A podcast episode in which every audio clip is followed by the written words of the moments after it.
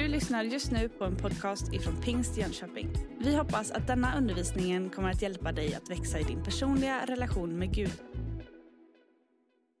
Vi börjar närma oss påsk.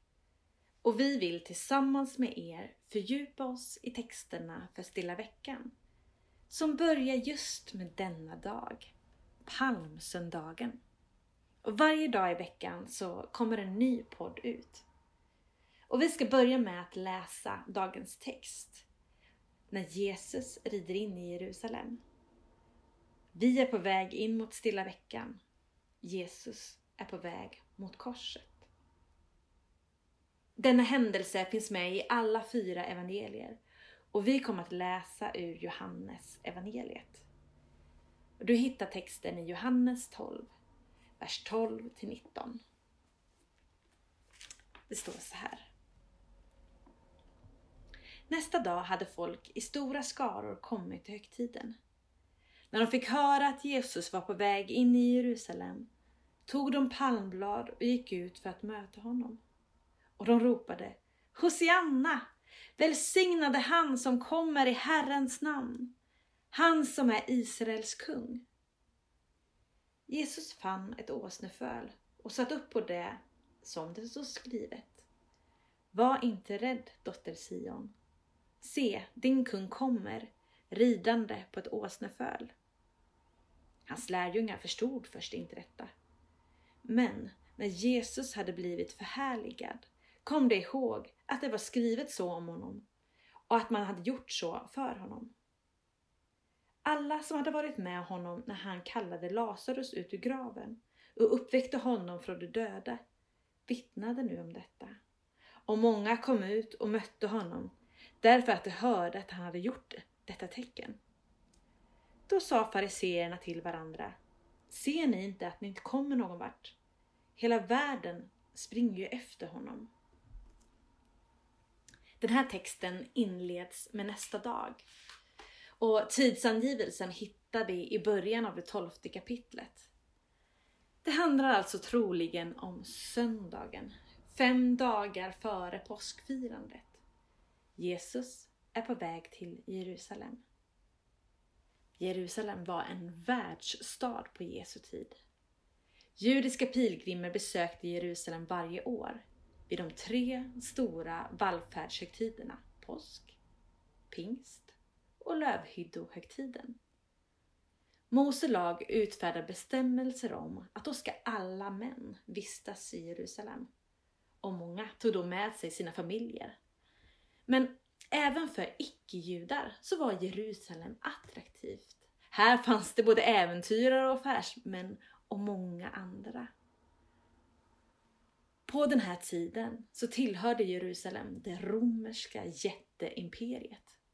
Det styrdes av kejsar Caesar Tiberius, men eftersom det var så stort så utsåg han personer som kunde styra över olika delar av landet. Jerusalem låg i Judeen. Och där fick en man som hette Pilatus styra. Han var så kallad ståthållare. Pilatus, som blev känd för att vara den som beslöt om Jesu korsfästelse. Jesus kom ridande på en åsnerygg den sista biten ner för sluttningen på Olivberget. Människor möter honom med palmkvistar och ropar Välsignad är han som kommer i Herrens namn. Ett citat som är hämtat ur psalm 118, 26. Han som kommer uttrycker en messiansk förväntan. Här tolkas detta att Jesus kommer i Herrens namn. Jesus möts som befriare och konung. Palmsöndagen har ju fått sitt namn av att folket ska kvistar från träden och viftade med dem när han red in mot staden. Ja, kvistar och kvistar. Rättare sagt kanske det är palmblad. Jag läste att de där kan bli upp till sex meter långa. Det är en hyllning värdig en konung det. För att genom att svinga dessa så gav man uttryck för glädje. Men palmen var också en segerns och en hyllningens symbol. Vi kan ju exempelvis läsa Uppenbarelseboken 7 och 9. Därefter såg jag en stor skara som ingen kunde räkna, av alla folk och stammar och länder och språk. De stod inför tronen och inför lammet, klädda i vita kläder och med palmblad i sina händer. Och de ropade med stark röst. Frälsningen tillhör vår Gud som sitter på tronen och lammet. Med palmblad så får vi hylla honom som vunnit segern. Förra gången som Johannes berättar att folket ville göra Jesus till kung, i det sjätte kapitlet, då drar han sig undan. Men inte nu. Men inte rider han in på någon stridshäst, nej. Istället tar han tag i en åsna och sätter sig på den. Han markerar med hjälp av valet av djur att han inte är någon vanlig kung. Han gör det som står i Sakarja 9 och 9. Fröjda dig stort, dotter Sion. Jubla, dotter Jerusalem. Se, din konung kommer till dig. Rättfärdig och segerrik är han. Han kommer ödmjuk, ridande på en åsna, på en åsninnas föl. Se, din konung kommer används både i psalm 118 och 26 och Sakarja 9 och 9. Dotter Sion, det var en bild för Jerusalem och dess folk. Och profeten Sakarjas välkända profetia går i uppfyllelse denna dag. Och denna gång så verkar det som att Jesus accepterar att bli hyllad som en konung. Han låter sig hyllas. De ropade Hosianna. Hosianna är ett av en handfull ord som fått stå kvar, oöversatt i Bibeln, ända in i våra dagar. Och det kommer från hebreiskans rädda, fräls. Och det användes som ett bönerop till Gud. Och i ett eskatologiskt ljus så fick bönen så småningom en messiansk prägel. Och hos de fyra evangelisterna har det blivit ett glädjerop vid Jesu ankomst. Hosianna-ropet användes som ett böne och hyllningsrop. Och därför kan Hosianna både översättas till ett hjälp, men också ett hurra på samma gång. Att hylla Jesus, folkets rop, är en förebild för oss. Att ge honom vår hyllning. Och folket de gör det offentligt. De gör det ljudligt. Innan intåget så hade Jesus och lärjungarna varit i Betania, som ligger strax utanför Jerusalem, hos Lazarus, Marta och Maria. Lazarus som Jesus tidigare uppväckt från de döda. Och denna gång så hade Maria smort Jesu fötter med olja. Människor i byarna, de som hade sett hur Jesus väckte upp Lazarus ut ur graven, vittnade ju om detta. Och i städerna i Galileen så hade de lärt känna honom. De hade ju sett vad Jesus sagt och gjort. Och många identifierade honom som Messias sedan tidigare. Men befolkningen i Jerusalem däremot, de frågade vem han var och vad som stod på. För dem var Jesus en främling. Och Jesus togs heller inte emot som Messias av Jerusalemborna. Och detta blir tydligt när jag läser om när Jesus rider in i Jerusalem fast ur Matteus evangeliet. Det är 21 kapitlet och den tionde versen. När han drog in Jerusalem kom hela staden i rörelse och man frågade Vem är han? Folket svarade Det är profeten Jesus från Nasaret i Galileen jag tänker att våra erfarenheter, det vi har sett och hört, gör någonting med vår förståelse för vem Jesus är. Och insikten om Jesu person ökar genom gemenskapen med honom. Messias betyder den smorde och motsvarar Kristus på grekiska som är Nya testamentets grundspråk. I det dubbla namnet Jesus Kristus finns alltså en bekännelse att Jesus är Kristus, alltså Messias, den smorde. I Gamla Testamentets tid så smorde man med olja den som skulle ha en specifik tjänst. Kungen, som ansågs vara Guds tjänare i sin uppgift, smordes till kung. Prästerna smordes, till, eh, smordes inför sin tjänstgöring. Även profeter kunde smörjas till sin tjänst. Och denna olja var det synliga tecknet och uttrycket för den heliga andens utgjutande över människan. Och därför ligger också en djup symbolik i texten innan. Det som skedde hos Maria, hur Jesus smordes inför sin död. Hon, han smordes till kung. Hans kröning låg framför med törnekrona. Han smordes att tjänstgöra som präst där han själv var offerlammet. Bland alla dessa som kunde smörjas till sina tjänster fanns det en specifik tjänst. Den smorde, den främste. Messias uppfattades av många som befriaren som skulle upprätta fredsriket som profeterna hade förkunnat om under århundraden. Och kung David ansågs vara den största av Israels kungar och Messias skulle komma av hans släkt. Och denna betoning finns hos både Markus och Matteus när de skriver om det här sammanhanget, där folket ropar Hosianna, Davids son. Messias förväntningarna var levande bland judarna. Men uppfattningarna kring Messias och hans tid var nog ganska skiftande. I tider av förtryck och nöd så lyste hoppet om en segerrik kung och de nationella känslorna var starka. Men det fanns ju också profetord om att Herrens tjänare skulle få lida.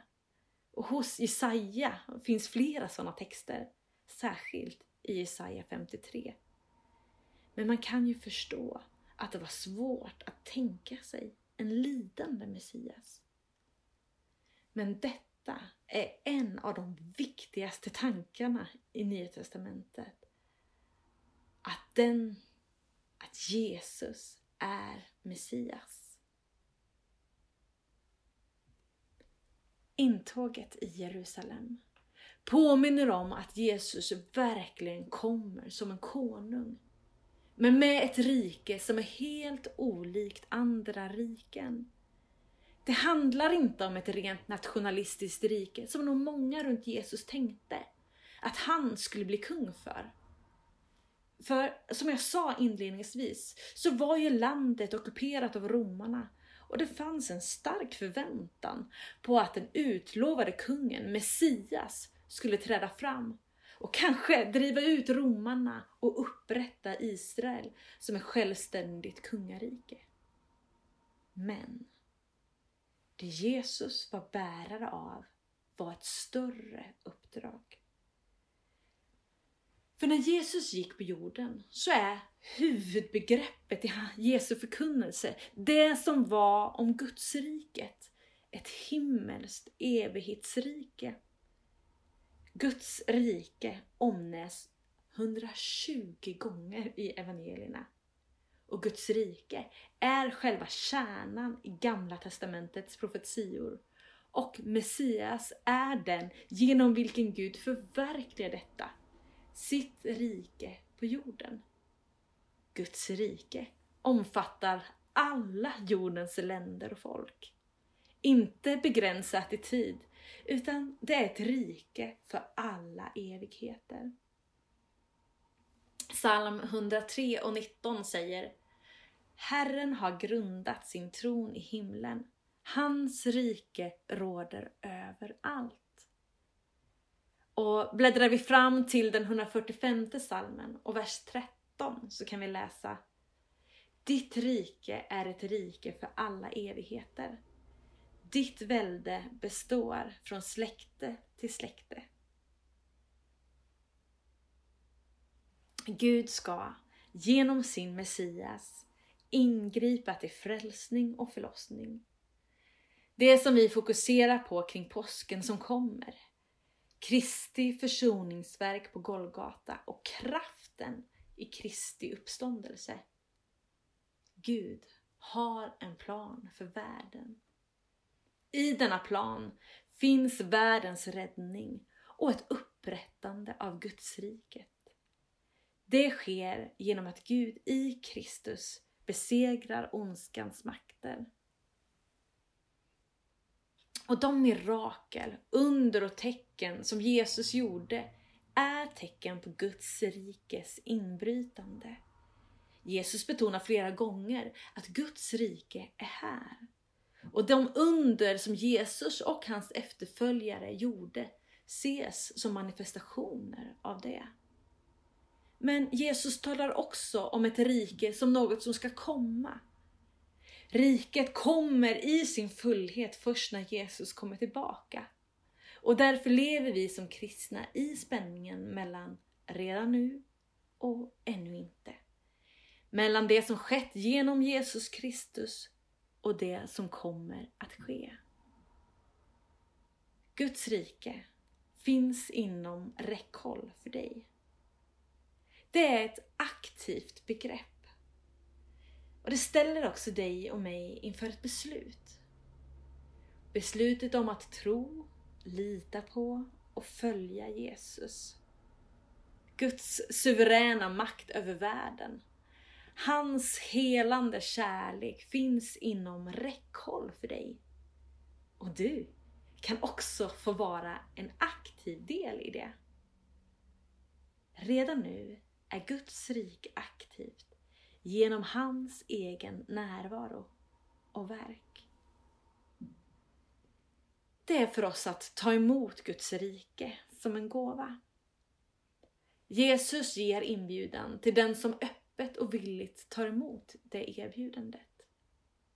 Och våra liv får vara en del av Guds rike, en plats där hans goda, barmhärtiga vilja får råda.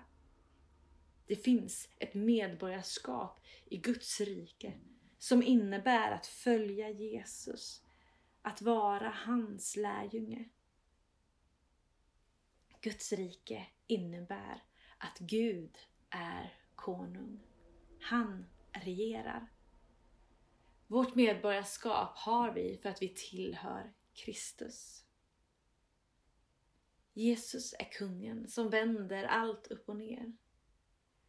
Världens frälsare som inte rider in på en stridshäst utan på en åsna. Han rider inte in mot en tron utan mot en kors och en grav. Han rider in mot Jerusalem som inledning på den stora finalen i hans liv på jorden. För att dömas, lida och dö på ett kors. Men trots det så är palmsöndagen en festsöndag Eftersom vi vet att Jesus är segraren. Jesus är verkligen kung och Messias. En kung som istället för att bli betjänad väljer att tjäna. Och där visar han på sin kärlek. Hans rike innefattar hela universum. Han som är kungars kung och herrars herre. Och det är till honom vi ropar Hosianna. Han är värd att vi viftar med våra palmblad och breder ut våra kläder som en hyllning till honom. Vi som, tack vare Bibeln, vet att det finns en uppståndelse har ju ännu större anledning att stämma in i hyllningen denna festsöndag. Han vill också vara kung i ditt och mitt liv den viktigaste personen i våra liv. Tänk att den kung som har all makt i himlen och på jorden vill ha en relation med dig. Vi kan idag få hylla honom som kung. Vi får tillhöra hans rike. Och när du följer Jesus denna vecka så vill jag uppmuntra dig att be till honom som din frälsare och din räddare. Även om detta är en podd så kan du som lyssnar få bjuda in kungen, Jesus Kristus, in i ditt liv. Och därför så vill jag faktiskt fråga dig om du vill svara ja på den inbjudan som Jesus ger. Vill du tillhöra Gud, följa Jesus och vara hans lärjunge? Jag kommer att be en överlåtelsebön och du kan, där du är, be den bönen tillsammans med mig. Vi ber. Jesus, jag kommer nu till dig. Jag tar emot dig som Herre, Frälsare och Kung. Förlåt mig alla mina synder. Led mig in i det liv som du har tänkt för mig. Jesus, jag ger dig hela mitt liv och tackar dig för att du gav ditt för mig. Amen. Är det så att du har bett den bönen så vill vi jättegärna ha kontakt med dig. Och alla våra kontaktuppgifter det hittar du på vår hemsida www.pingstjonkoping.se men jag vill också be ut Herrens välsignelse över dig. Så ta emot den. Herren välsigne dig och bevara dig. Herren låter sitt ansikte lysa över dig och vara dig nådig. Herren vänder sitt ansikte till dig och giver dig frid. I Faderns, Sonens och den helige Andens namn. Amen. Du har just lyssnat på en podcast ifrån Pingst Jönköping. För att få reda på mer om vilka vi är och vad som händer i vår kyrka så kan du gå in på pingstjonkoping.se eller följa oss på sociala medier via pingstjkpg.